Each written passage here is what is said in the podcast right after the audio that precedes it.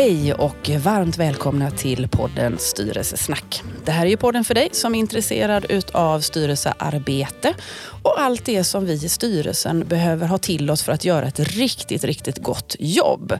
Eh, Petra Palmgren Lindvall heter jag och driver den här podden och arbetar till vardags som styrelsearbetare. Idag så har vi ett ämne som är mig varmt om hjärtat och det är ju det här med innovation och förändringsledning. För jag är troende på att det är viktiga ingredienser för bolagsöverlevnad.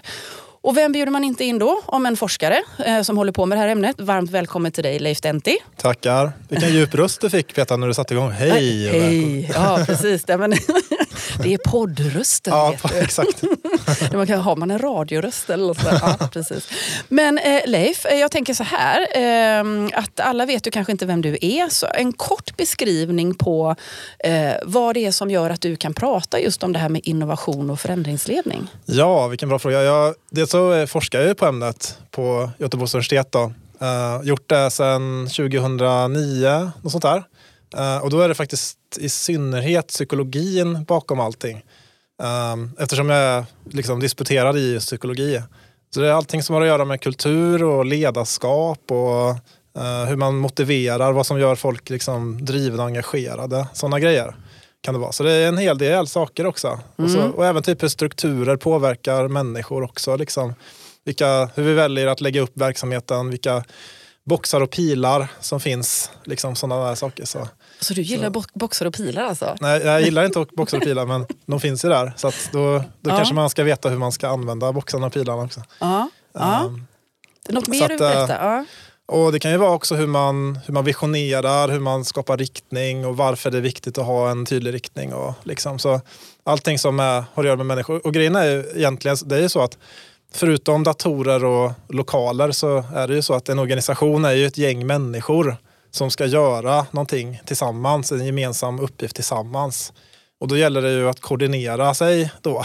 Mm. Eh, så att uh, sättet som vi koordinerar, sättet som vi kommunicerar påverkar ju en hel del liksom, hur, vad det blir av det här arbetet. Liksom. Mm. Men, och då tänker jag så här, hur kom det sig att du blev intresserad? Om, om man kommer in liksom då med, med ingången psykologi, tänker jag. Mm. Var det någonting annat som intresserade först och sen kom det här? Eller var du intresserad av detta från allra första början? Ja, det var jag väl egentligen. Däremot så var min doktorand, alltså avhandlingsprojektet var ju inte det här från början. Utan det fick jag ju själv liksom styra om lite. Mm. Uh, och jag hade en bra projektledare som liksom tillät det, att det blev mer innovation. Vi hade egentligen tänkt att titta på från början uh, hur uh, det, här, det här svenska inom citationstecket ledarskapet ser ut. Uh, det här liksom relationsfokuserade, jämlika, den typen av grejer. Liksom hur, hur, hur det ser ut och mm. var, varför det, ja, hur det funkar, vilka effekter det får. Mm. Um, så vi, vi behöll väl egentligen det, men sen tittade vi på liksom mer och mer som innovation som resultatvariabel mm. egentligen kan man mm. säga. Mm. Eh, och, och då, eftersom det här är en styrelsepodd då är man ju lite nyfiken, så här, vad har du för relation till styrelser? Jag vet att de finns. Eh, jag, jag har faktiskt aldrig jobbat med styrelser egentligen. Jag skulle vilja göra det, för det skulle mm. vara jätteintressant att komma in i styrelser. Mm. Men eh, jag kommer oftast in i ledningsgruppen i stort sett. Så där har jag varit otroligt mycket. Eh, jag har liksom en en idé, alltså jag såg ju det när jag var doktorand redan att liksom många professorer de uh, sitter på sin kammare och de, det kallas för att sitta på elfenbenstornet. Har du hört talas om det? Förut? Elfenbenstornet ja. och blicka ut liksom. Man blickar ut så här, och så. Ja. Och, så, och så, se, så, så observerar man massa saker på sin egen uh, ja, höjd. Där, liksom. På kammaren, på höjden så. Men man, man kanske inte är så mycket på marknivå och förstår hur det egentligen funkar. Du säljer uh, inte in forskningen så jättebra nu tycker jag. Nej, men det, det är ett etablerat begrepp. Liksom, ja, yeah, det här med okay. och det, jag insåg att uh, sån vill inte jag bli, liksom, utan jag vill ha ett ben i akademin. Uh, och, och ta, det, ta till mig kunskap och det nyaste därifrån och så. Uh, också skapa kunskap. Men jag vill också ha ett annat ben i verkligheten också. Så att jag fattar uh, vad som är viktigt liksom, vad folk brottas med och sånt där. Mm. Så att, och det har jag känt mig väldigt väl faktiskt. Mm. Och kunnat förstå. Liksom, för då kan jag ta de sakerna jag observerar på marknivån, så kan jag gå in på universitetet och så kan jag bedriva forskning kring det. Det, det, du beskriver det här med att du mestadels jobbar då med ledningsgrupper på den nivån. Mm. Eh, och så tar vi då den svenska bolagskontexten. Nu vet ju inte jag vilka bolag specifikt som du, som du är engagerad i och har tittat på. Men, mm. men generellt sett så har vi ju de här små och medelstora privata bolagen som utgör Sveriges, Sveriges näringsliv. Liksom. Ja, precis. Eh, och, och att man då nu ska jag ju inte kritisera din forskning, men hur, att man då liksom bara lägger, alltså, varför lägger man det liksom på ledningsnivå? För styrelsen är ju en... Är ju jag en, vet en, inte en... det, det är en bra fråga mm. faktiskt. Mm. Um, jag har ingen aning. Jag, jag, tror det är för att beställaren är på ledningsgruppsnivå helt enkelt. Det är det som mm. är. Mm. Uh, det kan vara HR-chefen, det kan vara vdn själv som upptäcker mig eller har lyssnat på någon podd eller mm. sånt där. Uh, och, så, och även typ, jag är ute och föreläser otroligt mycket. Uh, och då bjuder man in liksom ledningsgruppsnivå personer där. Eh, men styrelsepersoner är inte lika eh, närvarande på olika sammanhang. Liksom. Mm. Eh, så jag, jag, tror att det bara är att syn, min synlighet gentemot ledningsgruppen är liksom mycket större mm. jämfört med styrelsen. Då, kan man säga. Men, men vilket tillfälle, då har du ju värsta, värsta tillfället här nu då och, och komma i kontakt med styrelser. Ja. Kanske inte alla då, men via, via ljud i alla fall. Ja, exakt. tänker jag. Nej, men för jag tänker ändå att, att styrelsen, eh, jag förstår att det är så, för det är klart att det som du pratar om och det du kan mm. är, är ju någonting som man behöver ha med sig i verkställandet, i görandet. Men jag Precis. tänker alltid att en styrelse behöver ha en förståelse. Så att oh ja. när ledningsgruppen har arbetat fram förslag eller arbetssätt eller eh, tankar, nya affärsmodeller eller vad mm. det är för någonting. Mm. Då är det viktigt att styrelsen också förstår. Ja. Det är ju en del av det strategiska arbetet tänker jag och då ja. kan man ju inte bara frikoppla. Nej, det, dels att förstå vad, mm. vad ledningsgruppen sysslar med men också att sätta riktningen för ledningsgruppen också. Eh, så det är ett otroligt viktigt arbete man gör där, om vi ska mm. prata om innovation. Då. Mm. Uh, så att uh, just om vi ska börja där med riktningen, ska vi, ska vi göra det? Kanske? Men vet du, vad, vet, vad, vet du vad jag skulle vilja uh, göra innan du ja. går in på de här grejerna? Ja, det, det, är bra att ha en gäst som driver samtalet, det är bra. Ja. Men jag tänker bara så här, givet då, för du har ändå hållit på med det här en stund. Om du skulle liksom ändå backa tillbaka bandet lite grann och, och liksom ta oss fram till där du började tills idag. Ja. Kan du, och en liten historieberättelse om om du har sett några lite större aktiviteter eller händelser som har påverkat ditt område. Ja, kan, det. Finns det en sån eh, liten eh, tillbakablick man kan göra? Alltså i, I den privata sektorn har det alltid varit eh, press på innovation. Innovation är ju den osynliga handen bakom liksom, utveckling. Eller konkurrens är den osynliga handen bakom innovation. Innovation är den osynliga handen bakom att hitta affärsintäkter i framtiden. Mm. Uh, så där har det inte varit, alltså där har det varit ett konstant intresse skulle jag säga. Um, jag, jag, startade i industriföretag, det var där, det var där jag gjorde mina, mina, mitt avhandlingsarbete. Liksom. Um, och sen har det liksom blivit alla tänkbara sektorer, vårdsektorn och uh, ja, vad, vad, det nu kan vara. Det kan vara um, vad heter det, uh, ventilationsföretag och mm. liksom, mm. Mm. Uh, tjänstebolag också. Sådär. Um, så det kan vara alla möjliga. Men sen, det, det, det jag, jag tror är um, avgörande, som ett avgörande skifte, det är ju när den offentliga sektorn började intressera sig för ordet innovation Uh, och det var väl från och med 2013 skulle jag säga faktiskt. Okej, okay. uh, så där hände någonting? Ja, precis. Det hände mm. två saker. Dels kom ut en uh, sån här offentliga, statens offentliga utredningar där man liksom pressade på och, och efterfrågade innovation i den offentliga sektorn också. Mm. Uh, och sen så satte faktiskt den regeringen en sån här nationella innovationsstrategin. Mm. Uh, och sen hände ju ingenting såklart på några år men sen liksom Eh, från och med 2018, 2019 så där, då, då började det hända väldigt mycket. Liksom. Mm. Så att, uh, och det var ju också en tid där, liksom, tänker jag, med pandemin kom och så här. Liksom, eh, jag, vet, jag vet ju, vi har ju haft en, en eh, bokkollega till dig, Maria Bensanem Dynehäll, som du har skrivit böcker ihop med, som var med i, i avsnitt ett tror jag det var, eller två ja. av, vårt, av vår podd. Liksom, så. Ja, okay. Kom inte ni ut med den här boken precis när man stängde ner Sverige? Vad var boktiteln på den? Tokig heter den. Ja, Att leda i förändring. Ja, precis. Jag, jag, jag, tänker så här, hade ni ett finger med i det hela eller? Ja, det, ja, hade, det, det, hade var, det var vi som var i Alperna. Det var bra tajming i alla fall. precis. Ja, ja. Ja, nej, men det, det, var, det är en bra bok. Alltså just hur, hur ska man leda i hög osäkerhet? Mm. Liksom, mm. Där vi, vi, vi söker oss ut i det okända. Vi har lämnat erfarenheten i den trygga hemmahamnen bakom oss. Liksom. Hur ska man förhålla sig då? Mm. Uh, det är mm. någonting som många vill veta. Liksom. Mm, såklart. Det är ju guld, tänker jag. Är ja. det inte det? Ja, verkligen. Om man får ihop uh, det här. Liksom. Ja.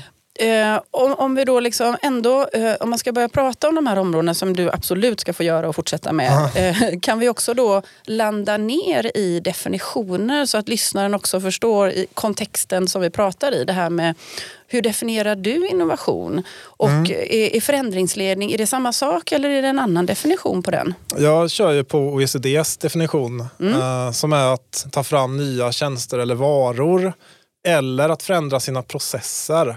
Uh, eller sättet man marknadsför någonting. Så det är ganska brett egentligen vad OECD uh, eh, vill. Mm. Uh, och, är vi på innovationsbeskrivningen? Ja, på innovation, precis. Mm. Yep.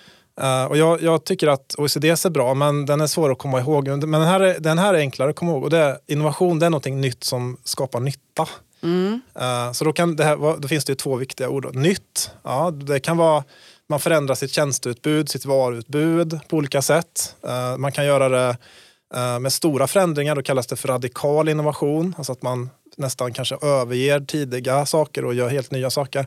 Eller inkrementell, att man ständigt förbättrar sitt varuutbud. Liksom. Typ mm.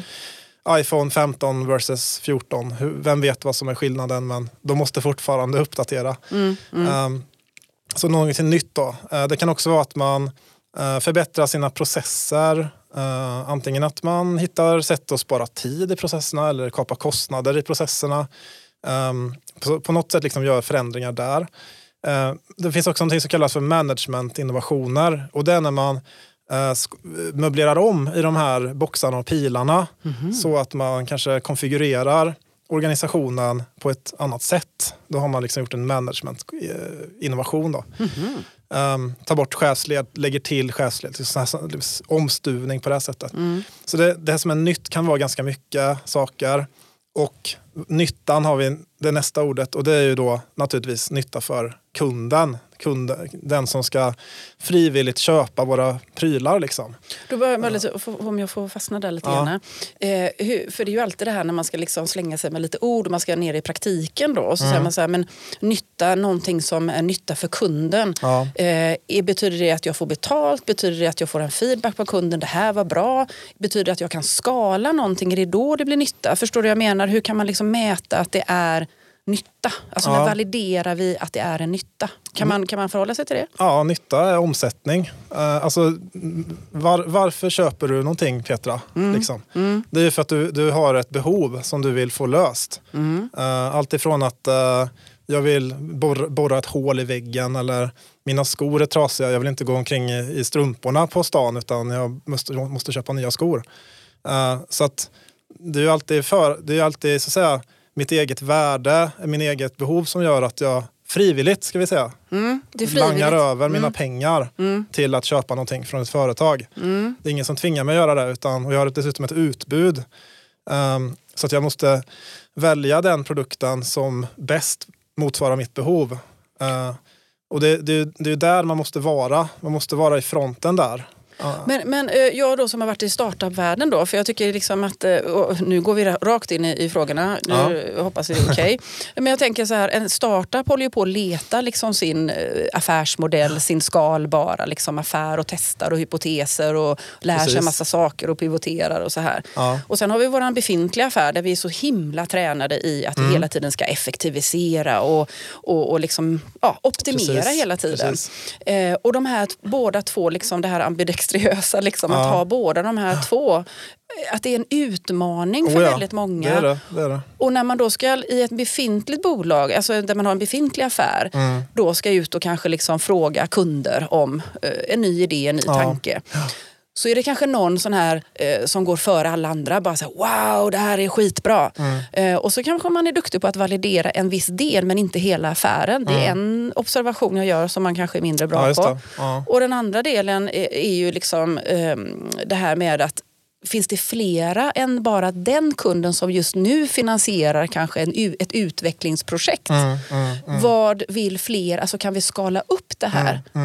Hur förhåller, alltså finns det liksom klokskaper där i det, i det du håller på med?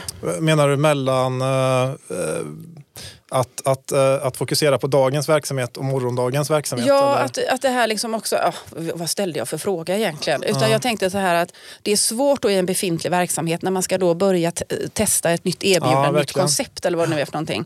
När har jag validerat? En sak är ju att kanske validera en teknik.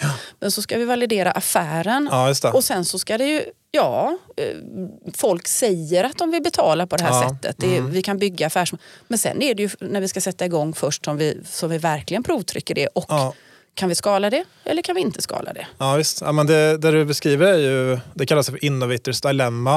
Eh, alltså att ett företag har ju blivit lyckosamt någon gång i historien och så har man skapat sig en affär på det och då vill man gärna optimera den affären och liksom leverera den på, med, med, med så lite kostnader som möjligt.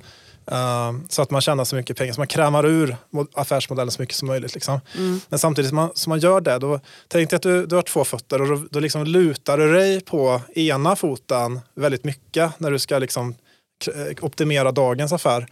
Och då blir det samtidigt svårare att luta sig tillbaka på den andra foten och gå tillbaka till lite det här startup-mindsetet. Då, va? För att i den första saken, det här, där man lutar sig på, eh, då är det riskminimering och det är kostnadsbesparingar och alla de grejerna som är mindsetet. Medan om man ska luta sig över på den andra foten då är det liksom risktagande och att, att kunna misslyckas med försök som är mindsetet där, alltså startupens mindset. Liksom. Eh, och det är väldigt svårt för organisationer att både göra ena benet och andra benet faktiskt och stå, stå liksom rakt om man säger. Och då blir det ju ledningsgruppen och styrelsens dilemma också tänker jag. Ja, precis. Men Alltså- där, där tänker jag styrelsens uppgift är att förstå det här dilemmat Mm. eh, och sätta riktningen för det här lutandet på in, innovationsfoten. Då. Mm. Um, det är otroligt viktigt att man, att, att man tar den bollen. Liksom. Mm. Ingen annan kommer ta den. Nej. Eh, får vi börja den ända? Du höll ju på faktiskt att säga någonting annat innan och så kom Ja. vi in på det här. Hade, eh, eh? Pratar jag förbi dig? Nej, jag vet inte. Jag kommer inte ihåg vad jag sa. Nej. Men, men om vi fortsätter då, liksom ändå, om man tänker då, det här måste styrelsen förstå säger du. Ja. Och det måste ju ledningsgrupper också göra, även om vi har olika funktioner här. Då? Ja, ja. Eh, vad är det ledningen faktiskt behöver förstå? Så att man också, för jag tänker, en, en, eller styrelse menar jag. En styrelse är ju ändå ansvarig för liksom de, den långsiktiga strategin, mål och vision, riktning, eh, skapa förutsättningar, eh, förstå var vi befinner oss någonstans. Alltså det finns ju ett antal. Så då, när vi då ska förstå det här, Ja. hur ska, du, hur ska vi förklara då, eller vad är det en styrelse faktiskt behöver förstå? Ja, det var det du sa. Ja. Eh, Men sen är det ju frågan om hur man ska göra då, i praktiken. Mm, Eh, och det finns ett, eh, vi kan väl, jag vet inte om du har möjlighet att lägga upp eh, papper eller så här, liksom, någonstans, men det finns ett väldigt bra papper där man försöker att beskriva fyra olika typer av strukturer Mm. som man kan använda sig av för att, ha, för att stå på båda, båda fötterna samtidigt. Mm. Um, det, till exempel den första strukturen är ju att man bryter ut de här innovationsmänniskorna till en egen separat enhet eller funktion. Uh, som- Mm. Betyder det ett eget bolag eller kan det vara en enhet? Nej, alltså enhet inom. Inom, Ja, mm. så kallas ibland för R&D, FoU eller labb Mm. kan de kallas för, eller hubbar och sådär. Va? Um, och då, så då, fördelen med det här det är ju att då slipper de bli smittade av det här kortsiktiga tänket som, Mm. eh, som liksom traditionellt finns i moderorganisationen. Um, så det är en bra, så då kan de jobba lite mer ostört. Men det finns en stor nackdel också med att göra det på det här sättet. Vad tror du det kan vara Petra? Nej, men jag tänker så här att man får ju, alltså när man väl har jobbat fram saker och ting där. Hur ska vi liksom vara i mottagningen? Mm. Ja, hur ska vi liksom backa in det liksom i den Exakt. övriga delen? Ska den ersätta någonting eller ska den komplettera? Eller vad? Exakt. Hur ska det, den här affärsidén eller affärsmodellen, man kan till och med kommit ganska långt i testandet utav den då, va? Hur ska den återföras till eh, moderkroppen? Eh, för vi har ju ett klassiskt fenomen heter not invented here, där man som mottagare inte känner igen eller ens förstår varför vi ska göra annorlunda nu. Va? Och där kommer styrelsen och ledningsgruppen in i bilden. Där ska man förstå att vi är bryggan mellan att stå på ena foten och att stå på andra foten. Eh, Så att vi till exempel förbereder den här första foten på att nu kommer det komma förändringar här och vi, nu vill vi att ni ska göra, fokusera på de här sakerna här. Eh, kanske till och med fria upp viss tid eller tillsätta resurser så att det finns tid. För ofta finns det ju ingen tid till att ta emot nyheter som kommer. Så att, Det känns som ibland att vi tycker att det ska läggas på toppen av allting annat. Ja, det vill säga att det ska inte tas bort någonting utan det ska bara läggas till någonting. Precis, så det är ju en modell där. Men sen finns det tre stycken till. Eh, Den andra modellen är att man, man kör på med affärsmodellen som man har. Men sen så punkterar man den eh, och gör en stor förändring. Eh, Som till exempel... Hypotetiskt eller på riktigt? Nej, som Volvo Cars gör ju det nu. Alltså de ska ju, från och med 2030 så är det elbilar, eldrift som gäller. Mm. Volkswagen också. Så att de är ju i ett skede nu när de liksom eh, eh, växlar kompetens, rekryterar ny kompetens kring alla möjliga saker som har med elbilar. Um, och, och, och verkligen försöker få till stånd en stark och stor förändring. Och sen när 2030 anländer då ska vi så att säga vila på de la- nya lagrarna och då ska vi ta, kapitalisera på den nya affären då som vi, som vi har skapat. Så då punkterar man den gamla affärsmodellen över lång tid beroende lång på tid, vilken ja. affär man har naturligtvis. För Exakt. vissa kan det gå lite fortare kanske Ja, och för precis. andra går det lite långsammare. Eh, Okej. och det kallas för punctuated equilibrium, ett fint ord. bara så du vet. jädrar. Här får vi så- lära oss. Ja. Så att man liksom, den här, den här, den här eh, stabiliteten som, som, som affär, den nuvarande affären ger, den punkterar man och så försöker man förändras kraftigt och sen så ska man hitta ett nytt, en ny stabilitet eh, lite senare. Um, fördelen med det, det är ju att man kan få igång väldigt mycket förändring eh, och, och göra en stark push på det på alla områden med visionen och strategin och kompetensen och sånt där. Eh, nackdelen är ju att det är två nackdelar. Dels att det, det blir ju en tröghet i faserna mellan, eller fasskiftet mellan att gå från stabilitet till förändring och sen tillbaka till stabilitet. Det finns en tröghet på ett eller två år. Eh, och sen för det andra, hur vet man att man har rätt? Eller hur? Liksom. Vet vi någonsin om vi har rätt om Nej, framtiden? det är jättesvårt att förutspå framtiden. Det, det är mycket svårare än vad du tror. Faktiskt. Eller hur? Ja. Mm, mm. Um, så jag, liksom, hur vet Volvo Cars att eh, just eldrift är är den tekniken som... Eh, jag menar Toyota, världens största bilföretag, de, har ju inte, de väljer ju bort det. Ja. Liksom. Så att, eh, ja, who knows? Sitter man och skakar lite grann då liksom och tänker så här, jäklar vilka investeringar vi gör och så kanske det är helt fel. ja, precis. Så det är all in liksom egentligen kan man säga då på, på en ny, p- ny stabilitet i en ny affärsmodell Ja, egentligen. precis. och då, men jag tänker, man måste ju ha Ja, man vet ju aldrig, men man måste ju ha, ha hyfsat ändå gjort antaganden som, Mm. är, som bygger på ganska goda Oh ja. eh, alltså det, fakta, hoppas man ju. Liksom. när, när det kommer till beslutsfattande forskningen så är, ju, är det en grej som avgör om vi kommer fatta bra beslut. Alltså det finns många saker, men en är väldigt, väldigt, den, den mest viktiga. Och det är ju att man begriper vart vi är och var, vart vi ska. Alltså att vi gör en omvärldsbevakning och, för, och förstår vart trenderna håller på och, och lägger sig liksom. Eller utvecklas fram så. Um, ingen, utan spaning, ingen, ingen aning. Du vet det här talesättet. Yes. Uh, så så att, att, kunna, att faktiskt kunna förstå det och ha koll på vad som händer framåt. När det kommer till inflation, när det kommer till lågkonjunktur eller kundernas beteenden eventuellt. så här. Det där tycker jag är en jättebra, jätteviktig styrelseuppgift. Att göra den typen av omvärldsbevakning. Då. Ja, precis. Och bidra till den och efterfråga den. Så Ja. att den finns på flera nivåer, tänker jag. Eh, Verkligen. ofta så har ju vi styrelseledamöter, i alla fall när vi har ett aktivt styrelsearbete som kommer utifrån, kommer från andra branscher kanske, finns det andra, Ja, andra sammanhang eh, där man kan bidra med andra betraktelser, tänker jag. ja visst. Ja. Verkligen. Eh, hur viktigt är det när man liksom då jobbar med det här innovation, ny förändring och alla de här delarna och den här förankringen med att den befintliga verksamheten förstår vad som pågår. Mm. Det här med att vi har en, en vision och mission, alltså vision Ja. och mission i detta så att man vet varför gör vi det här. Ja, visst. Det är viktigt. Ja, för det säger väl motivationsforskningen också. Ja, ja, visst. Det, det kommer igenom i många fält i, i både motivationsforskning men också innovationsforskning och sådär. Mm. Eh, och det, det är det som heter meningsfullhet helt Mm, enkelt. Eh, att, jag, att jag begriper eh, vad, vad, vad jag gör för tillfället och vad jag förväntas att göra i framtiden. Eh, så att eh, jag kan ta ett exempel. Eh, Det finns ett papper eh, 2000... När du säger papper, vad menar du med Paper, papper? alltså. ja, du får ju förklara då för inte alla som Ja, kanske är i den akademiska världen. Vad är ett paper? Eh, Det är en, eh, forskningspublikation som ja. peer-reviewed och gått igenom en massa skärseld eller massa mm. ring of fires. Liksom. Så det är validerad forskning. Kan man och säga. hittar man de här som gemene man? Uh, Google Scholar ja. till exempel. Mm. Um, vissa, inte allt. Det är inlåst bakom betalväggar tyvärr mm. väldigt mycket. Mm.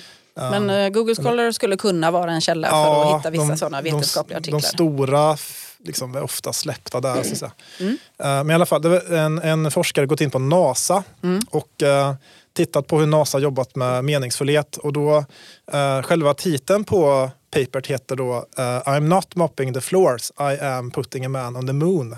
Um, så till och med städarna på NASA Uh, förstår att är det skitigt här i lokalerna när vi ska bygga ihop rymdraketer och grejer, då kan vi inte bygga någonting. Det är liksom, till, mitt arbete som städare är liksom instrumentellt för att hela maskineriet ska fungera. Mm. Uh, och det där är ju otroligt viktigt att alla förstår det. Och det är ju via vision och mission som man Uh, är det tänkt i alla fall. Mm. Uh, sen har jag mycket att säga till om när det kommer till visionsskapande. Tycker du att vi är bra Men, eller mindre bra på det vision och missionsbeskrivningar? Uh, alltså, alltså, så här är det, egentligen är det så, lackmustestet är du som lyssnar, vet jag min vision och min mission? Mm. Vet du inte det så, så är det något som är fel på det. Uh, vad, vad, om jag bara får ställa en annan uh, sån här lackmustestfråga. Uh. Liksom så här. Eh, många har ju, tänker jag, visioner och missioner som skulle kunna gälla för flera bolag. Alltså för flera. Vi ska vara den bästa eh, förstahandsvalet för våra kunder och för våra medarbetare till exempel. Den, skulle ju, den, den kan ju i princip vilket bolag som helst ha. Vad, vad, tycker du om det? jag har inga problem med det egentligen. Nej? faktiskt. Okay. Jag tycker, att, eh, jag tycker inte alla företag måste vara så här, eh, unika. SpaceX, Tesla, liksom unika på det sättet. Utan, eh, och i synnerhet inte i den offentliga sektorn. Utan där är det ju kvalitet och snabbhet i handläggning och mm. sånt där som vi förväntar oss av dem. Vi vill inte att de, ja, de ska uppfinna... Försäkringskassan Nej. ska förändra hela världen. Liksom, utan, utan det går Bara det bra att köra. Ja, precis. Sitt eget område ska de göra så mm. kapabelt mm. som möjligt. Mm. Men, så det viktigaste uh, är att alla vi som bidrar i riktningen, i den organisationen vi befinner oss, vi ska kunna vad är visionen och missionen där jag verkar. Det, är man, det viktigaste. Det man inte minns, det finns inte. Nej. Det är så enkelt. Uh, jag, var, jag hade, ska jag dra en story? Jag, jag, jag, visserligen en kommun, men här i Västsverige, en stor kommun, ehm, hade en stor sån här chefsföreläsning. Liksom. Och eh, det var 450 pers och så pratade jag om det här med att, att, att förstå och minnas sin vision. Uh, och uh, så fråga, då hade, ställde jag frågan, så, ah, hur, vad, vad är det, vad har ni för vision då? 450 pers, det var helt tyst i rummet. Uh, och så stod jag och väntade då. Det är ju vet, ett gammalt psykologtrick, liksom, att man, man låter tystnaden jobba. Uh, jag väntade inte lika mycket länge som han i Norrtälje, du vet han kommunpolitiker. ja. uh, så det var obehagligt, det, var, det, det, var tyst i alla ja, fall? Ja, jag stod och väntade. Och, sen, och då ställde sig då kommundirektören upp och bara, men vad fan, ni måste veta vad vi har för visioner. Så jag var sur liksom. Ja. och, då, och då ställde jag frågan, ja men vad är det då? Och då visste inte han heller vad det var för, för fiktion. Nej! Men gud! Uh, Nej. Och sen så var det paus och sen skulle han liksom uh, insisterade på att liksom, nu jag ska berätta. Uh, och då läste han alltså innantill mm. uh, från kommunens hemsida vad det var. Och då var det så sju punkter som var relativt slätstrukna, liksom självklart att det skulle vara så. Mm. Um, det är klart att man inte minns sånt där. Och, när, och minns man inte vart man ultimat ska gå, då går man inte dit. Liksom. Det... Nej, för hur ska det kunna leda en i den dagliga verksamheten och, och liksom i målbilden eller i mitt görande i min funktion och roll? Verkligen. Man, man, det kommer inte in i det dagliga arbetet om man inte har det här i bakhuvudet. Liksom. Mm.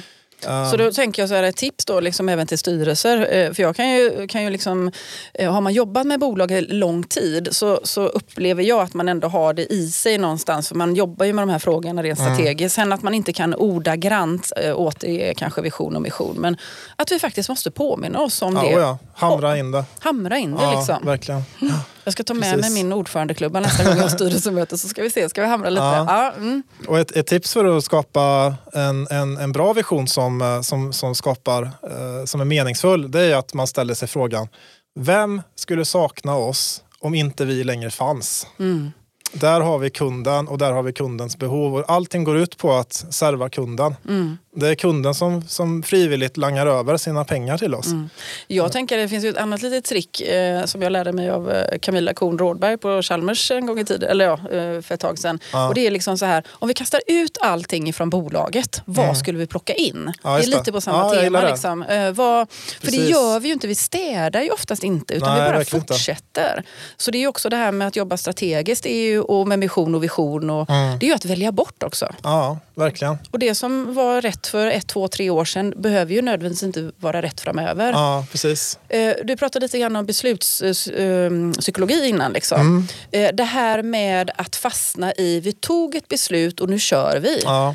Och inte, nu har vi fått ny information, vi kanske måste omvärdera ja. och justera. Sank kost som det heter. Ja. ja. ja vad, har du för, för... För det behöver ju både ledningsgrupper och styrelse göra tänker jag. Ja, ja det, är, det är viktigt. Mm. Um, jag kan ta en liten exempel på det. Uh, fast det, det, här kommer ifrån uh, framtidsforskning. Då. Det finns en, en forskare som heter Philip Tetlock som uh, har, har, lagt sitt liv på att försöka förstå, är vi bra på att förutspå framtiden eller suger vi på det? så bland annat så samlade han in 86 000 såna här förespåelser från liksom, tv-soffa experter. Mm. Det kan vara när kommer Riksbanken att sänka räntan? Eller när För hela världen eller uh, i USA? I USA. Mm, ja. okay. Eller så här, när kommer kriget i Ukraina ta slut? Eller så där, va? När kommer covid? Du vet alla de här grejerna. Och då uh, så, så jämförde han ju sen då mot vad det blev. Uh, så hur, hur, mycket rätt tror du att de här människorna hade? Och det var ändå liksom det var alltifrån tyckare till experter. Det var liksom nu är det så att jag har ju faktiskt hört dig berätta det Är det så? Att, så ja. Eh, men eh, jag har för mig att det var 50. Ja, 50-50. 50-50, ja. så det är liksom... Man skulle kunna way. kasta pil på det. Mm. Uh, så att i, i, som baseline så är vi värdelösa på att, uh, på att förutspå framtiden. Mm. Uh, och framtiden är ju den är kaotisk. det kommer in grejer från sidan man inte tänkte på. som, som kanske rycker undan mattan och grejer. Så shit happens som det heter. Liksom. Mm. Uh, och då i sin bok, så, det finns en jättebra bok han har skrivit som heter Super Forecasting. Och där tittade han på en grupp av människor som faktiskt är bättre än slumpen. Mm. Hur svårt det nu än kan vara så är, är de konsekvent bättre än slumpen. Mm. Och det är tre saker de gör. Det första de gör det är att de samlar in information från en mängd olika källor. Så inte bara SVT Nyheter, även om jag gillar SVT, så tittar de också på kanske National Review, uh, The Economist eller Al Jazeera. Mm. Bara för att få en bild som inte är uh, ett perspektiv. Liksom, så, va? Mm. Um, och de är nyfikna och de försöker att förstå saker i grund och botten. Sådär, va? Nummer två det de gör det är att de ändrar sig om de har fel.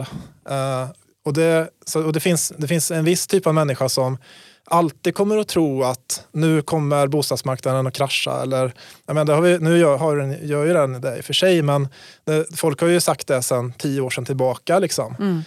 Um, eller att vi är på peak oil eller vad det nu är. Sådär. Um, och, och det, det, är ett sämre alternativ för då har man visserligen rätt men man har bara rätt två gånger per dygn. Du vet, där mm, mm. visaren står stilla. Mm. Men, uh, Men de som är, de, om man är smartare än så, då förstår man att det jag måste göra det är att ändra mig. Uh, när det, det kommer, ut, nytt. Det kommer nytt, det händer nya saker. Så jag måste omvärdera hela tiden vad jag tror om saker och ting.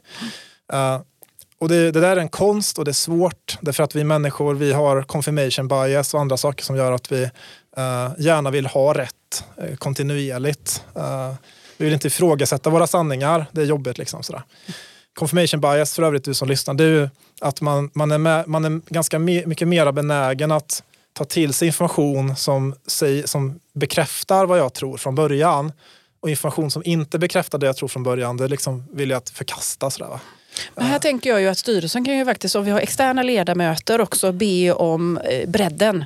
Ja, Eh, och också liksom, jag tänker så här, vad är det som du hittar som också förkastar det du har hittat stöd Verkligen, för? verkligen. Kan det verkligen. väl vara ett ett perspektiv som Ja. en styrelse skulle kunna tillföra? Det är den vetenskapliga metoden. Alltså, det går, den går ut på att undersöka alla tänkbara sätt som förkastar våran idé här. Mm. Ehm, för om, den, om idén överlever alla försök till att förkastas, då är den troligtvis sann Mm. i slutändan. Så, va? Eh, så det tycker jag är ett väldigt smart sätt att tänka. Och sen den tredje grejen de gör, den är inte så här detaljgrej, men det är att de är ganska noggranna med vad de tror sannolikheten egentligen är. Så till exempel säga så här, nu tror jag, nu tror jag så här att jag tror att vänstern kommer vinna nästa val. Det är vad jag tror på riktigt. Eh, och då, är det så, då måste jag bestämma mig. Tror jag det är till 100 procent att vänstern kommer vinna? Nej, troligtvis inte 100 procent sannolikhet för att de kommer vinna. Är det 49 procent sannolikhet? Nej, men då förlorar de. Så någonstans mellan liksom 50,1 och 100 ligger ju sannolikheten. Och då måste jag sätta en sannolikhet. Och då kanske jag sätter den på 55 procent. Sådär, va? En mental eh, ankare. siffra eller ett Ja, ankare? precis. Ja, okej. Eh, och det gör ju att när det kommer ut nya op- opinionsundersökningar till exempel, då, kanske jag, då har jag det ankaret, då kanske jag flyttar ner eller flyttar upp några procentenheter runt 55 procent. Eh, Så du har en liten volymknapp där? Liksom. Ja, och, då, och det hjälper ju mig att hela tiden liksom uppdatera den här procentsiffran Mm. när jag förstår mer saker och när saker händer och sådär. Va? Så ny information kan förändra min, liksom, mitt, eh, min procentsats i mitt troende? Liksom. Ja, och är det så att jag, eh, liksom, eh, den droppar under 50 ja, men då tror jag ju det, an, det omvända Mm. uppenbarligen. Så att, och det har jag inga problem att tro. Liksom. Man kan inte bara tro Så. lite, alltså. man kan inte bara tro 10 procent. Det kan man tro, absolut. Men då blir det Ja. 90 procent på någonting annat. Ja, exakt. I alla fall när det är dikotomt på det sättet. Eh, men just det. Så, Mm. att, så att det är viktigt det här med hur man, hur man förhåller sig till information och vad man tror ska hända om vi ska förutspå framtiden. Vilket jag tror är styrelsens, ett av styrelsens jobb. Ja, det tänker jag. Och att vi delar det med ledningsgruppen. För vi delar ju väldigt mycket med ledningsgruppen. Men, Ja. men någonstans så är det ju så att vi ska ju ändå översätta det som ägarna önskar eh, med sitt bolag. Ja. eh, Så. Eh, Vi ska också kanske tillföra andra perspektiv än de perspektiven. Komplettera det som redan finns i bolaget, det. tänker jag. Ja, jättebra. Eh, ibland också då, eller ibland och ibland, men också få utmana. Eh, och då menar jag det på ett gott sätt. Ja. Liksom. Utmana ledningen i sina, Verkligen. eh, ja, men sina rekommendationer eller vad man har landat ner i. Ja. Eh, så tänker jag. Och det finns ett eh, gruppdynamiskt eh, fenomen som heter shared information bias. Det känner du till va? Ja. Och det är ju att en grupp tenderar att prata om information som redan är känd av alla. Det är för att det är helt enkelt enklare att prata om sån information som är känd. Och det är svårt att föra in information som är okänd ehm, och diskutera den då. För då är jag den enda som har den informationen och andra kanske inte är så intresserade av att lyssna på mig och sådär. Eh, så att vi, det där är en jätteviktig fallgrop att försöka överkomma så att vi blir smartare tillsammans. Eh, För här tänker jag, jag tänker på två saker som puppar upp i mitt huvud. Den ena är ju liksom styrelsens sammansättning och vilken syresättning den ska ha Ja. över tid. För att det blir ju lätt så att har man jobbat i ett bolag utifrån ett styrelseperspektiv väldigt länge, men säger fyra, fem, sex år, Ja. umgåtts med ledningsgruppen och alla de här, masserat alla eh, observationer, tankar och beslut. Liksom. Ja, Då är det ju väldigt lätt att man tappar det. Eh, det är den ena delen, så att man som ägare och valberedningar kanske ska fundera över hur, med vilken takt man också syresätter sin Ja. styrelse för att få in nytt, nytt syre. Verkligen. Eh, och sen tänker jag också så här, eh, eh, som jag upplever ibland, att man kanske är väldigt ensam när man kommer in då, Ja. som i en ledningsgrupp eller en styrelse. Mm. Att man, eh, man är loket, man är så ensam, det är Ja. så stort gap mellan vad man själv kanske då vill tillföra, se och ge perspektiv på. Mm. Ja. Att man nästan inte blir lyssnad på för det är Ja. för stort gap. Visst. Finns Ja. det någon eh, term för det också? Eller det Man, det? man kan eh, införa begreppet provprata till Ja, exempel. men det är skitbra. Eh, det är ett bra Mm. ord att lägga till sin vokabulär. Ja. Nu ska jag Eh, provprata lite. Ja, precis. Mm. Varför Ja. inte på styrelsenivå heller, alltså Mm. också. Eh, jag menar, för att vi, vi, vi, är, vi, är, vi söker oss ut i det okända hela tiden. Framtiden är okänd. Så att vi måste försöka vara så smarta vi bara kan med eh, hur vi behandlar information.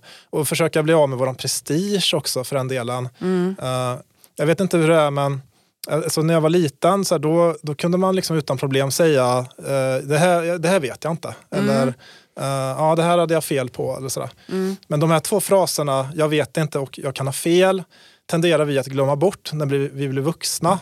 För vi ska på något sätt vakta våran prestige och man ska vara så himla kunnig hela tiden. Trots att alla vet att, att man inte är kunniga liksom, så håller vi på med det här liksom, Hela spelet fortfarande. Ja, och det kan jag också känna liksom att om man, om- jag håller helt och hållet med dig och det är mina observationer också. att Också när man kommer i, i, liksom en ledningsgruppsbefattning där Ja. man ska jobba med bolagets helhet, ta viktiga beslut och, och så flyttar du in i styrelserummet dessutom. Ja.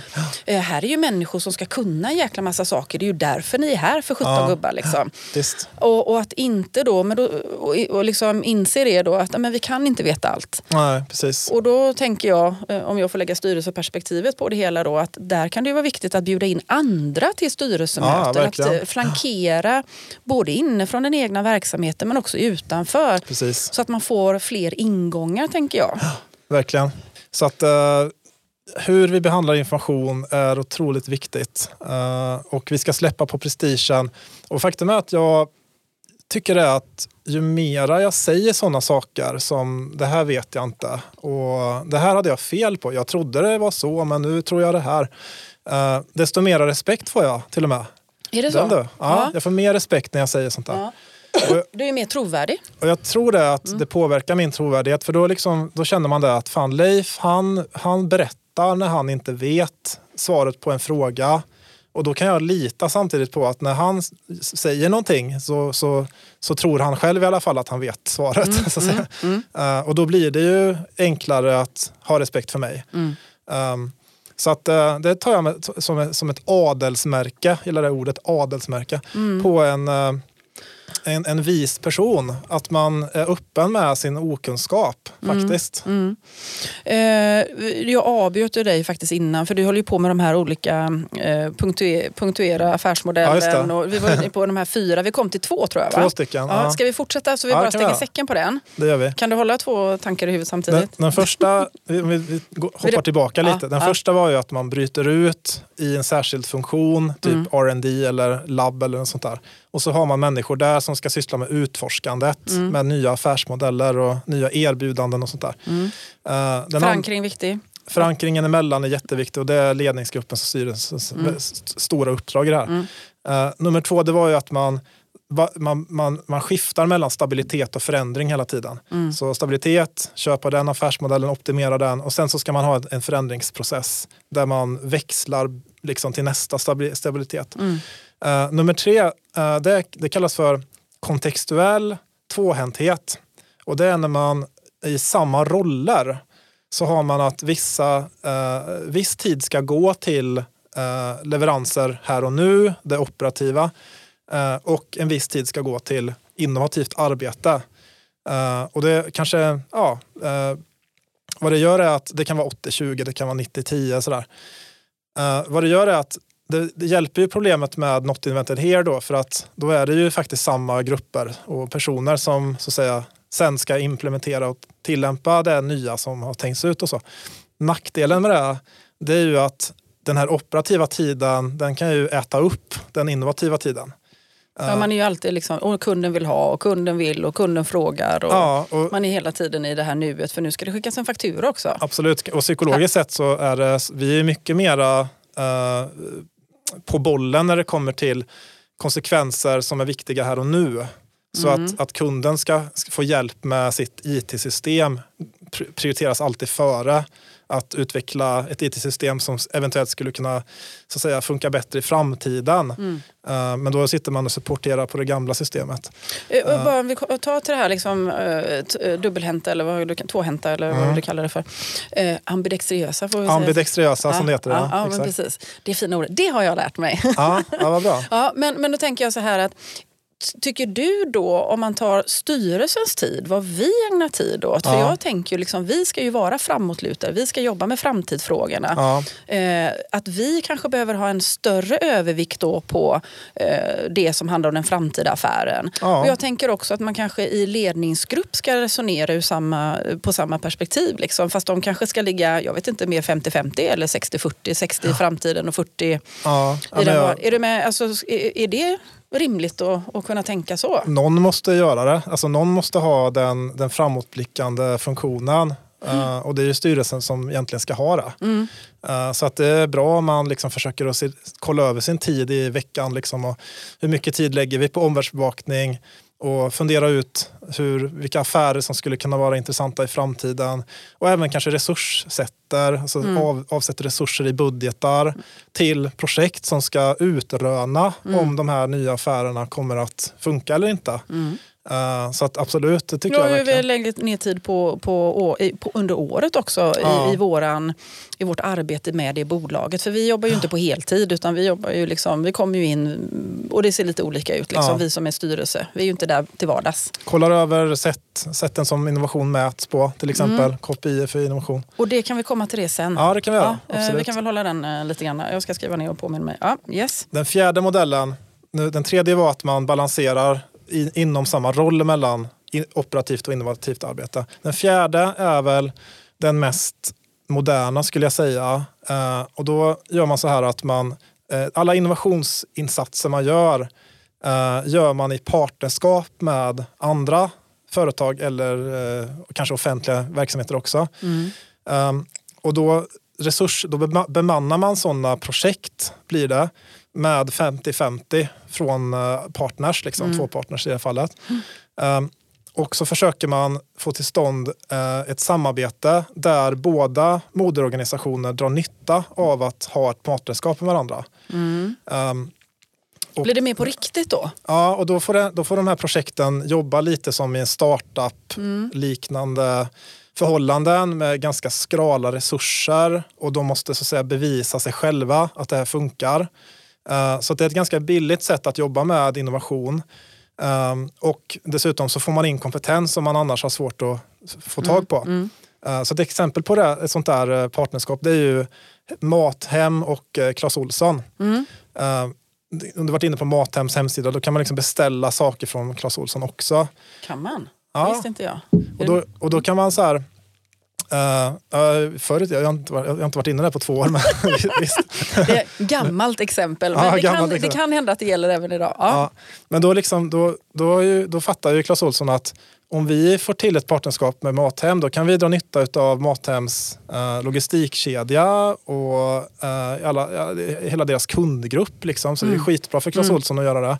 Samtidigt som Mathem kan dra nytta av Clas Ohlsons varor och varumärke. Eh, så att det blir en win-win tillsammans. Så att, eh, just att, för, att det där är en intressant så här, eh, grej man kan syssla med som styrelse också. Så, här, vad finns det för andra företag runt omkring oss som vi kan dra nytta av deras olika resurser? Det kan vara kundgrupp, det kan vara logistiken, det kan vara varor eller tjänster som de har.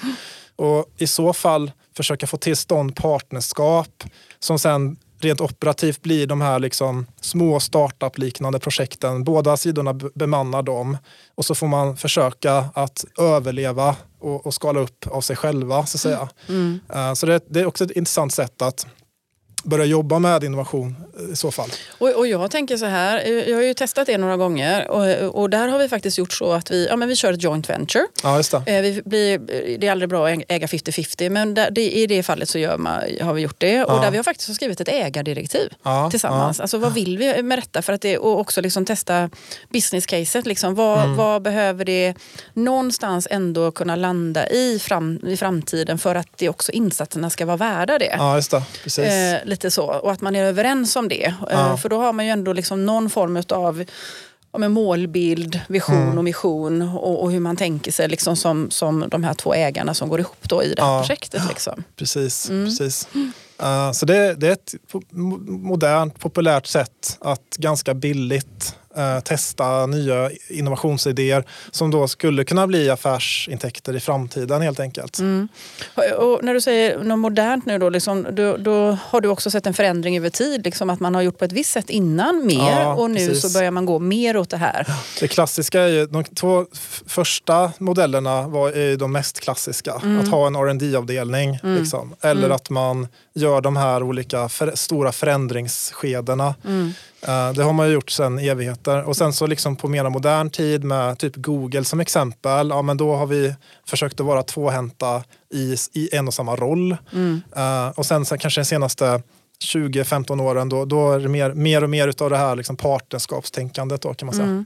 Har du sett liksom nu när vi också pratar mycket mer det här med social, alltså hållbarhetsfrågorna med vi kommer inte att kunna lösa framtidens utmaningar ensamma i våra bolag. Ja. Vi behöver samarbeta med andra för att tillföra någonting nytt och någonting med en helt annan kraft. Kan det också ha påverkat att man liksom för resonemang kring partnerskap? Eh, ingen aning. Nej, det var bara en spaning eller, Ja, eller en sån kan- här det observation. kan vara så, Det kan jag- vara så. Jag har inte kollat på det riktigt. Du har inte kollat på det? Du vet inte allt alltså? Nej. Nej, som vi kom till. En vis person. En vis person sa det. Du, eh, jag tänker, vi har ju pratat eh, om det här med innovation. Ja. Förändringsledning, är det Ja. samma sak? Förändring, nej, jag, jag, jag gör inte samma sak. Nej, om du ska ta Um, den delen in- av din kunskap. Innovation är liksom lite så att man försöker att upptäcka grejer man inte ens känner till finns där. Mm. Um, Medan förändringsarbete, då är det mer att man, man har en tydlig idé om vad man vill upp, uppnå med förändringen i fråga. Uh, och då följer man ett antal steg för att skapa den här förändringen. Man kan följa ADKAR-modellen. Och kan inte du hj- hjälpa oss lite grann Ja. bara och göra en lite mer eh, bara mm, stora penseldrag? vad är den nu då? Det är awareness först. Alltså att vi, vi måste göra allihopa medvetna om eh, till exempel varför vi ska göra förändringen. Desire kommer därnäst, uh, tror jag. Och då är det, vi måste göra alla eh, motiverade att vara med. Sen är det K, vad kan det vara? Är det knowledge kanske? Ehm, vi, måste, vi måste göra så att alla förstår vad de ska göra för någonting i förändringen. Um, vad är det sen då? Du sitter och googlar där. Jag sitter och googlar. Eh, ska vi se om jag får, får eh, något bra eh, svar här. Eh, A. Awareness. Mm. D. Desire. Yes, K. Knowledge, precis som du Knowledge. sa. Och A. Ability. Och sen R. Reinforcement. just det. Ja, precis. Så knowledge och ability handlar ju om att jag ska förstå vad, vad ska jag göra i den här förändringen? Vad förväntas jag göra? Och sen reinforcement är ju att vi förstärker de, de beteendena som folk gör som är de här nya beteendena helt enkelt. Så det är en ganska bra modell. Men det finns också Kotters åttastegsmodell som liknar ganska väl Adkar också. Um, men i alla fall, så då har man en idé om vad förändringen går ut på och varför vi ska göra förändringen. Medan innovation egentligen är ett mycket mer utforskande process. eh, där vi kanske inte alltid vet vart vi kommer att hamna. Liksom. Eh, så det är ganska, ganska olika mekanismer ändå faktiskt. Vad tycker du att, eh, nu har du jobbat mest med ledningsgrupper, men om vi tar det till styrelsen då. Vad behöver vi förstå i det? För att jag tänker också det här att vi är ju om jag nu ska generalisera på gruppnivå liksom, så Ja. har vi ägare som gärna kanske vill se resultat. Ja. Eh, lite kortare tidshorisonter. Ja. Så vi som styrelse blir ofta styrda på korta tidshorisonter och då blir man mer nere i det befintliga. Liksom. Så. Det gör ju också att styrelser eh, mäter eller styr organisationen och ledningsgruppen och, och så på, på samma sätt. mm, Så vi behöver ju utmana ägare också i att förstå, tänker jag, Ja. de här mekanismerna som du pratar om. Ja. Eh, Så att man har med sig det i, i ägarsinnet så att säga. När Mm. man ger uppdrag till styrelser, när man har sina ambitioner med sina bolag och en förståelse för alla de delarna som vi pratar om. Ja, ja verkligen. Tänker det, jag. Det, det är väl ingen lätt uppgift heller kanske att göra det. Men eh, Nej, det, det borde väl ligga i ägarens intressen då att, eh, att också förändra delar av verksamheten. Ja, för det är ju ändå liksom verktyget för att vi ska uppnå någonting. För vi Ja. kommer inte kunna hålla på som vi alltid har gjort. Liksom, Nej, tänker precis. jag. jag tror inte att det är någon som tror på det längre. Nej, nej. Men att vi inte riktigt hänger med i hur vi mäter och vilka nyckeltal som vi faktiskt också sätter på en styrelse eller på vad man, vad man vill ut av liksom organisationen eller verksamheten. Ja, just det. Men, och en annan uppgift kanske är att eh, hålla stången lite just från Mm. ägaren. För ägaren kan ju få idéer på sin kammare och sådär. Och då just att okej, det kan vi prova, då kostar det så här mycket att validera det. Kanske, jag vet inte hur man Nej jobbar men, jag, nej men jag tänker så här, nu pratar vi kanske mest om de här små och medelstora privata bolagen och så. Jag Mm. tycker ju då att ett bra tips är ju faktiskt att man jobbar fram ett ägardirektiv som håller sig kanske tre, fem år beroende liksom på verksamhet. Och då Mm. får ju de ju vara mer visionära. Ja. Eh, liksom, eh, det finns ju några saker som man alltid vill att man ska hålla sig till såklart Mm. och restriktioner och sånt där. Men det ska ändå rymmas in ganska mycket Mm. i det. Du kan göra ganska mycket vägval på vägen men ändå hålla det inom ägardirektivet tänker Mm. ja, jag. det. Så Eh, det finns en överenskommelse mellan ja. styrelsen och ägaren. Ja, och det är det vi kallar för ägardirektiv i, mod- Ja. i modernt språk. Ja, jag vet inte hur modernt det är för det har funnits länge. Men mer kanske använt idag som ett verktyg. Ja. Och då tänker jag också på din, för, jag, för när vi pratar motivationspsykologi, alltså Ja. vi i styrelsen måste ju också känna oss motiverade. Ja. Varför ska jag vara här och inte någon annanstans? Ja. Och då handlar det ju om den här tydligheten. Samma mekanismer gäller ju för oss i styrelsen, Ja, ja. tänker jag, Ja, som för någon annan.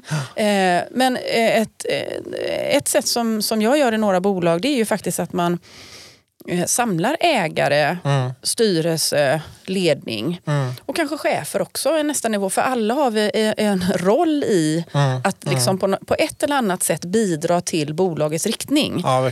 Vi tar beslut i olika forum, vi har olika, olika roller i det här. Ja, det. Men om inte vi kalibrerar det, då blir vi också långsamma tänker jag. Ja, ja visst. För då ska vi hämta hem några stycken här. Ja. Eh, och och, och liksom ibland kanske vi behöver vara så himla snabba så att det är väl bra om vi har liksom en gemensam plattform. Liksom. Ja, och rent praktiskt att man samlar till ett stormöte. Mm. Jag, jag fattar inte riktigt varför man ska liksom dela upp eh, information i, i, i skott som inte så att säga, får blöda igenom till andra. Ibland kanske det finns skäl för det. Men, eh, men när det kommer till sådana här viktiga saker som riktningen som Mm. man egentligen skulle kunna liksom ha alla på ett stormöte. Mm. Eh, varför inte göra det egentligen? Nej, eh, jag tror att vi har en historia bara om att det ska vara, vara lite mer vattentäta skott. Men, Ja. men jag upplever de här bolagen som är lite mer snabbfotade, som är lite mer liksom, öppna för eh, att det kommer nya givar och kan förändra sig lite grann. Ja, De har fattat den grejen lite mer. Eh, vi måste vara transparenta, vi måste jobba med varandra. Mm. Eh, på, sen så finns det ju timing med vissa frågor och vissa saker Ja, handlar ju såklart. om lagkrav och lite sådana saker att göra. Men, Precis. men i det stora hela.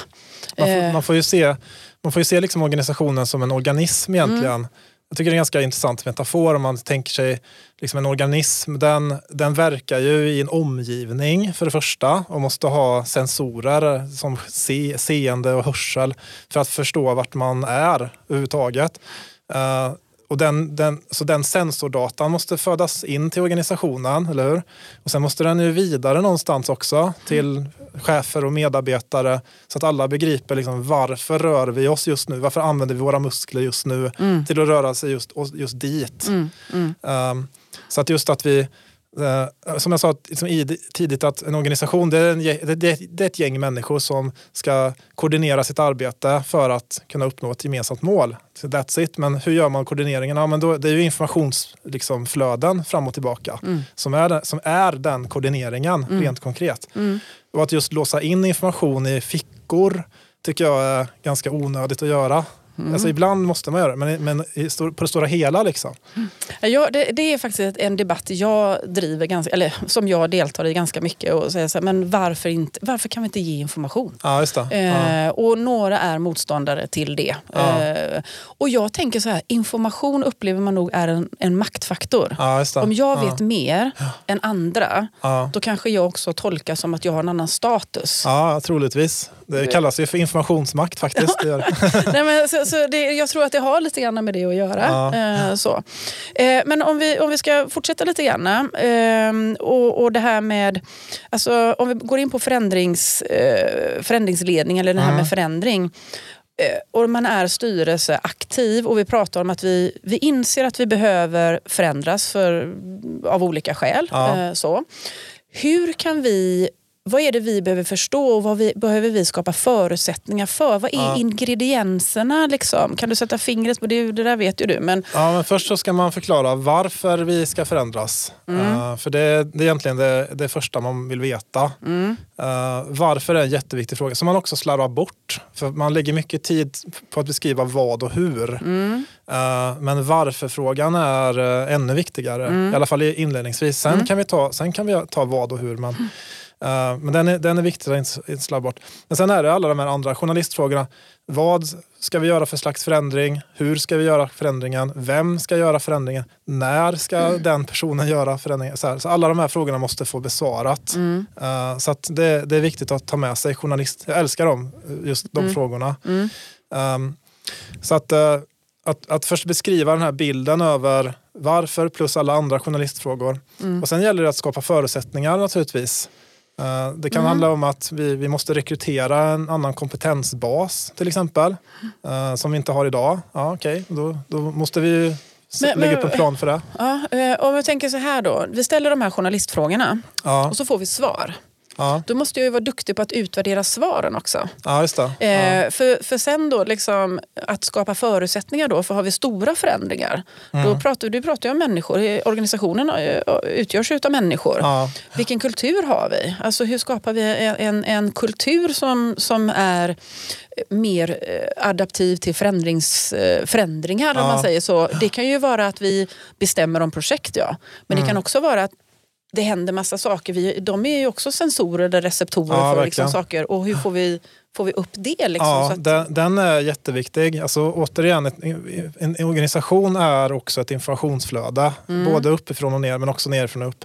Så ju, ju flera hinder vi lägger mellan informationsflödet desto svårare blir det att koordinera människorna. Mm. Eh, så, att, eh, så det är ju en poäng då. Hur ska vi bättre eh, förstå vad som händer allra ut i fingerspetsarna i den här organismen. Det som organismen känner med sina fingerspetsar. Liksom. Um, och vi ska inte vara rädda för saker som kommer upp då heller. Liksom, så, så jobbiga saker som kanske utmanar våra sanningar. Liksom, sådär. Utan vi ska se det som information bara. Vad, vad, vad, är, vad är det som krävs här då? För jag tänker liksom, här har vi ju chefer och ledare och vi har medarbetare. Vad, vad är, liksom, är det för förmågor vi behöver träna oss på för att liksom bli än bättre på att det ska vara tillåtet med att tycka saker och säga saker, komma med idéer som inte skjuts ner eller inte ens skjuta ner en kund som kanske kommer Ja, in och, och, och säger så här, ja, vi har det här behovet och så liksom är det bara, åh, jag hörde inte. Dels är det att visa det här. Alltså att man, eh, för mig så är ledarskap att visa. Man visar genom mitt beteende hur jag vill att alla andra ska bete sig. Så att om jag, om jag vill att nu vill jag skapa en, eh, en förändringsbenägen kultur, då måste jag ju visa själv att om någon säger någonting till mig, då är jag förändringsbenägen i vad jag tycker och tänker. Annars så, Så- går det ju inte. Nej, så det här med att det är någon annan som ska förändra sig, eller någon annan som ska göra någonting, det är Ja. dåligt ledarskap om man vill få till förändring. Ja, det börjar uppe på toppen. Det är de som visar, eh, helt klart. Så att eh, man kan inte, man kan inte liksom bara förvänta sig att alla andra ska vara superförändringsbenägna och sen när det kommer eh, synpunkter eller kritik eller någonting och, så, och då är det kalla handen. För då har man ju effektivt visat att eh, vi, vi skiter i vad ni tycker utan vi bara förväntar oss att ni ska göra saker. Och då sjunker ju motivationen väldigt kraftigt. Eh, Så att vill man ha en kultur då får man ju leva den själv. Så, så enkelt är det bara. Så att, eh, och jag tror att de, de flesta som lyssnar de, de fattar ungefär vad det handlar om för slags kultur. Liksom. Det är öppenhet, ehm, eh, lyhördhet, den typen av grejer ska man syssla med. Liksom. Eh, att, att, att bolla perspektiv, att inte bestämma sig eh, 100% utan att vara flexibel.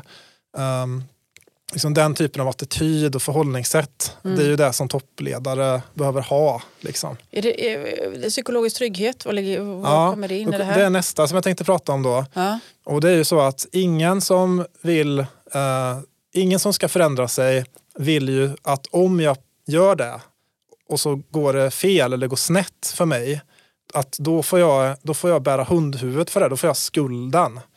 Eh, utan det är väldigt viktigt att folk känner den här tryggheten så att man vågar överhuvudtaget göra nya beteenden. Eh, och grejen är så att alltid när vi gör, vi är människor, eh, när vi gör nya saker, då tenderar vi att klanta oss.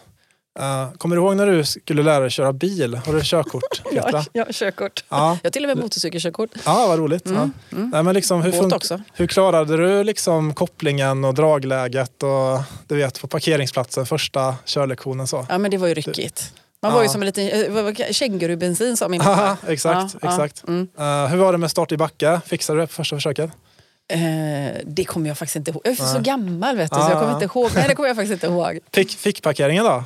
Ja, men jag, jag var ganska duktig på att fickparkera ja. från ett håll. Jag skulle in ja, liksom på vänster, men på höger, eller höger gick bra, men vänster gick inte alls. Nej, men så, att liksom, så är det alltid när vi ska göra nya saker. Vi, vi, vi trevar oss framåt och vi snubblar framåt mm. hela tiden. Uh, och det viktiga att ha med sig det är att vi, vi måste få möjligheten att komma upp på hästen igen så att säga. Mm. Um, och, och, för att om du, om du kritiserar någon som ligger ner och hästen har sparkat av den personen och så får den kritik för det, då kommer inte den vilja hoppa upp på hästen. Nej.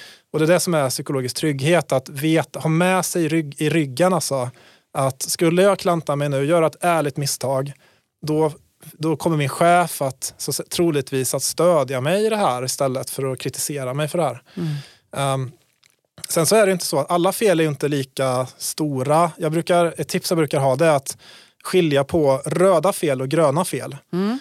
Röda fel, det är sådana fel som vi absolut inte ska begå eller ens experimentera med. Det kan vara att eh, riskera att bryta mot lagen eller att eh, äventyra någons eh, säkerhet, du vet, eh, mm. skada folk eller, eller att vara korrupta. Sådär. Mm. Det är röda fel.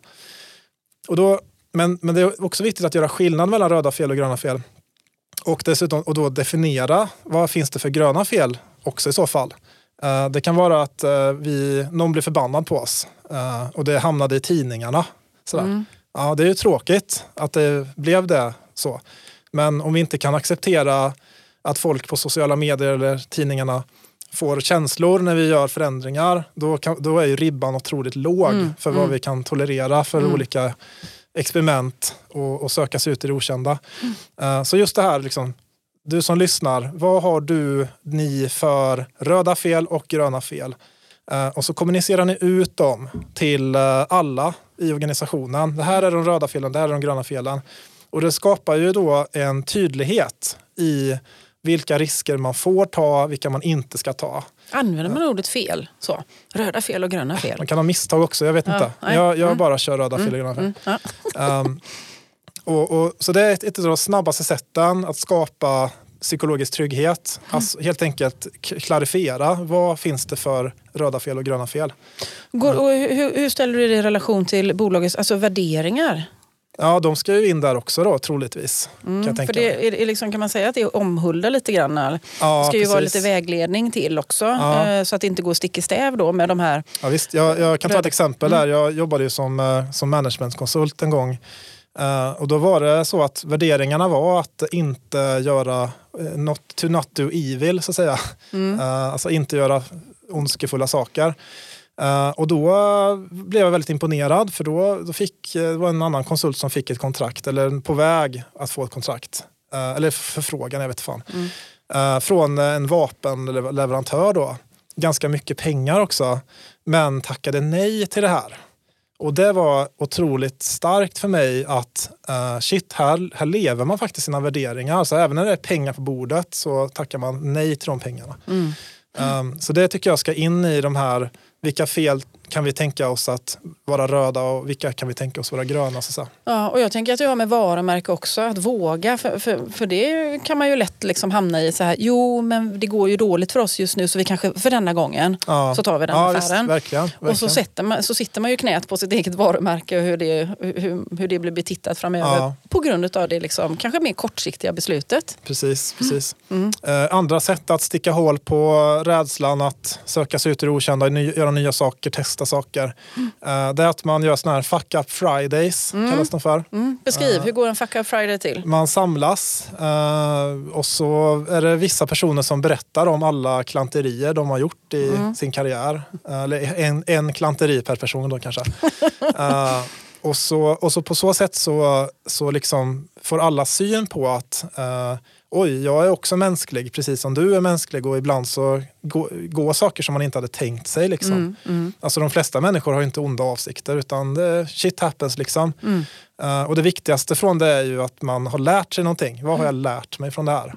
Uh, så, det, så man ska fokusera mycket på dels att berätta om misstaget men sen vad lärde vi oss mm. i så fall? Så reflektion är ju en, stor, en viktig del tänker jag också liksom ja. i, liksom i ja, ledningsgruppsarbete och styrelsearbete. Att man faktiskt reflekterar ja, över liksom, tidigare beslut, tidigare antaganden eller vad det nu kan vara för någonting. Vad, vad gick fel vid ett tillfälle som kanske var ett lite större bekymmer blev det ju då. Ja, Vad har vi lärt oss av det så vi inte kanske gör om det? Ja. After action reviews mm. som det heter, det är ju en väldigt bra validerad grej i forskning just mm. att det funkar väldigt bra. Mm. Uh, att vi går igenom det senaste halvåret eller vad det nu är, kvartalet och vilka beslut fattade vi som vi tycker vi, vi, kan, vi kan vara stolta över. Uh, det är ju första frågan. Och vilka beslut fattade vi som, som vi så säga skulle behöva skruva på? Och i så fall, vad var det för antaganden som vi hade bakom de besluten? Mm. Uh, och så vidare. Så att vi kan hela lära oss hela tiden att ah, men det kanske var ett dåligt antagande. Då, mm. helt enkelt. Mm. Känner du till MOAF? M-O-A-F? Det känner jag igen, men uh, nej. Det står för Assumptions is the mother of all fuck-ups. Okej, okay, det var den. Ah, okay. Så, så mm. liksom just att, just att vi få syn på våra antaganden. Har jag rätt antaganden? Det går ju tillbaka till uh, Philip Tetlock och hans mm. framtidsforskning då. Där de här bra människorna, de förstår mycket väl vilka antaganden de, de har och ständigt uppdatera sina antaganden. That's the way liksom. Mm, mm. Uh, jag tänker innan vi avslutar, alltså tiden går ju jättefort när man har kul. Aha. Eh, det har faktiskt gått över en timme nu. Eh, men, och så får vi se hur, hur, länge lyssnarna orkar lyssna här. Men eh, en sak som jag upplever är problematisk för väldigt många styrelser och ja. ledningsgrupper som kanske inte är jättevana vid att jobba med det här, liksom både den befintliga affären och den framtida affären och innovation. Det är ju hur man mäter. Vi pratade om det ja, innan, KPIer. Skulle du kunna hjälpa oss lite grann med att sortera ut? Hur, hur ska man tänka? Det, liksom? det finns tre korgar av kopior. Mm. Uh, den första korgen är finansiella kopior och då mm. mäter man sådana saker som uh, hur ser försäljningen ut av produkter som är släppta den senaste X-perioden dividerat med totalförsäljning till exempel. Så alla saker vi har släppt senaste året dividerat med totalförsäljning, då har vi ett mått på uh, hur mycket av nyförsäljning sysslar vi med. Mm. Så det är ett ganska bra När du säger nyförsäljning, är det eh, till nya kunder eller på nya produkter och tjänster? Det kan vara nya produkter och tjänster man har släppt. Det kan också vara nya marknadsområden man har gått mm. in på. Uh, nytt är ordet. Ja, nytt. Liksom mm. Nyförsäljning dividerat med totalförsäljning. Mm. Uh, man kan också ha nyförsäljning dividerat med utvecklingskostnaderna som är ett annan sån här grej, som mm. finansiellt sätt att se på hur mycket bang for the buck får vi för mm. våra, våra, in, våra ja, satsningar. Så att säga. Uh, så det är den första korgen. Den andra korgen är uh, rent och skärt liksom, hur många, dessa antal olika produkter har vi släppt? Hur, hur, många, hur många projekt har vi på gång nu i vår portfölj? Um, och hur lång tid har det gått i de projekten? Och, alltså, tro, Progress, throughput, liksom. ja, precis, mm. progressmätningar. Uh, så det, det, är lite mer liksom, uh, inte så mycket försäljningssiffrorna utan mera uh, antalet. Och det kan vara antalet patent vi har tagit eller antalet idéer som har kommit in till vårt idésystem. Till exempel sådana saker. Vi mäter antalet. Um, och de här två första är ju lite mer objektivt lagda siffror. Sen finns det en tredje kategori som mäter det som kallas för dark innovation. Och dark innovation är alla aktiviteter som görs som inte så att säga, är direkt mätbara. Uh, så till exempel att, att människor uh, har beteenden som att de söker efter nya teknologier, att man så att säga eh, champion, championing är ju att man mm. försöker övertyga andra om uh, att nu ska, vi, nu ska vi använda AI här i den här och den här tjänsten till exempel. Mm. Uh, och det här alltså, så att Dark Innovation är alla olika beteenden och aktiviteter som inte riktigt går att mäta. Och, de, och, de är, och det här kan man mäta med subjektiva mätskalor. Mm. Och det finns en hel del sådana utvecklade. Uh, så det är bara att mejla mig så kan jag skicka ett dokument med en massa sådana som jag har samlat på mig. För det upplever jag liksom är, är, är en utmaning i mellan styrelse och ledning, eller styrelse och ledning delar liksom det här Ja. med att det är subjektiva. Eh, att Visst. man, att, och det där kan vi inte hålla på med för det är inte vi vana vid. Ja, och, och, det- förstår du vad jag menar? Mm. Det, man kan, det finns studier och det är ganska, ganska tydligt att de här eh, subjektiva uppfattningarna som kan ges av en styrelse eller en ledningsgrupp eh, också korrelerar med objektiva indikatorer på innovation. Alltså, I studie efter studie så, så finns det en, ett samband mellan vad styrelsen och ledningen eh, anser om sin egen organisation eh, och att man eh, faktiskt också gör sådana saker. Eh, Så att det, det är inget fel att, att, att föra in sådana liksom mätskalor då.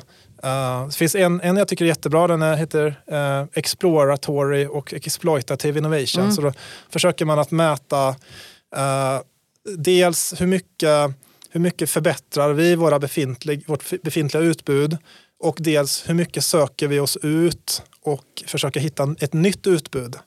Eh, som då är att explo, explo, äh, utforska och den första var att utnyttja. Så att säga. Eh, och då är det ett antal, kanske åtta frågor per ha- eh, hand liksom här. Eh, och så får man ge sin uppfattning och då är det så att den här korrelerar med objektiva indikatorer helt enkelt.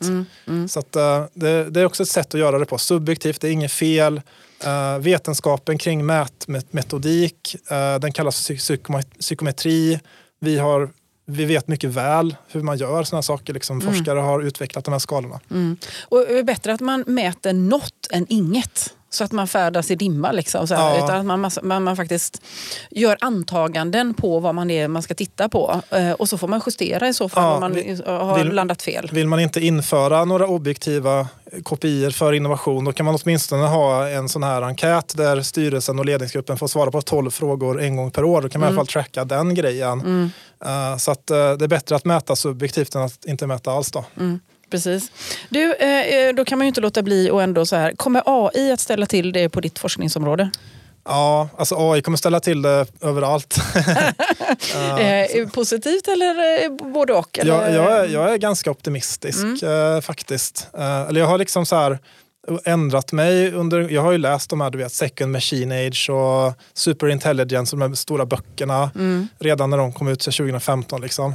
Och så tänkte jag så här på, på den tiden, ah, äh, men AI, nej, det dröjer nog eh, två, tre decennier för vi har inte tillräckligt mycket datorkraft och bla bla bla.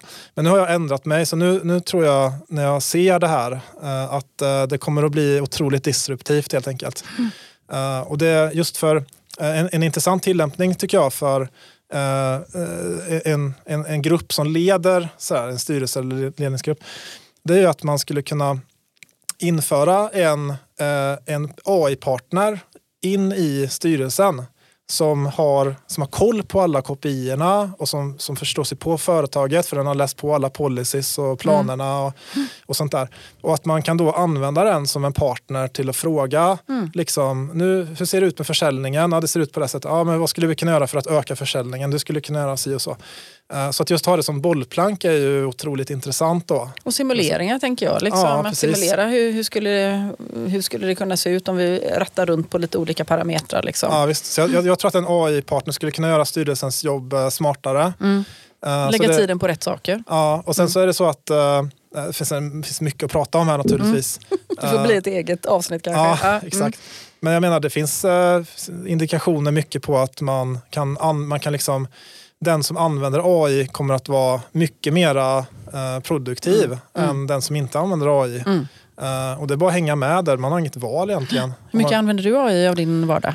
Eh, varenda dag tror jag faktiskt, i stort sett. Och det här med eh, var man hämtar information ifrån och, och vem det är som äger informationen. Hur kommer det forskningsmässigt tänker jag i framtiden? Hur, hur kommer ni att påverkas? Ja, jag vet inte, vi kommer säkert påverkas. Det, det, det jag tycker skulle vara coolt att göra det är här bygga en, den ultimata liksom, forskaren som, eh, som producerar egna forskningsfrågor och producerar egna enkätfrågor och typ gör den här insamlingen helt själv. eh, och skapar, alltså typ så bygger upp ett, ett förråd av kunskap. Så det skulle vara skitcoolt att, att göra det. För då är det liksom slutet på...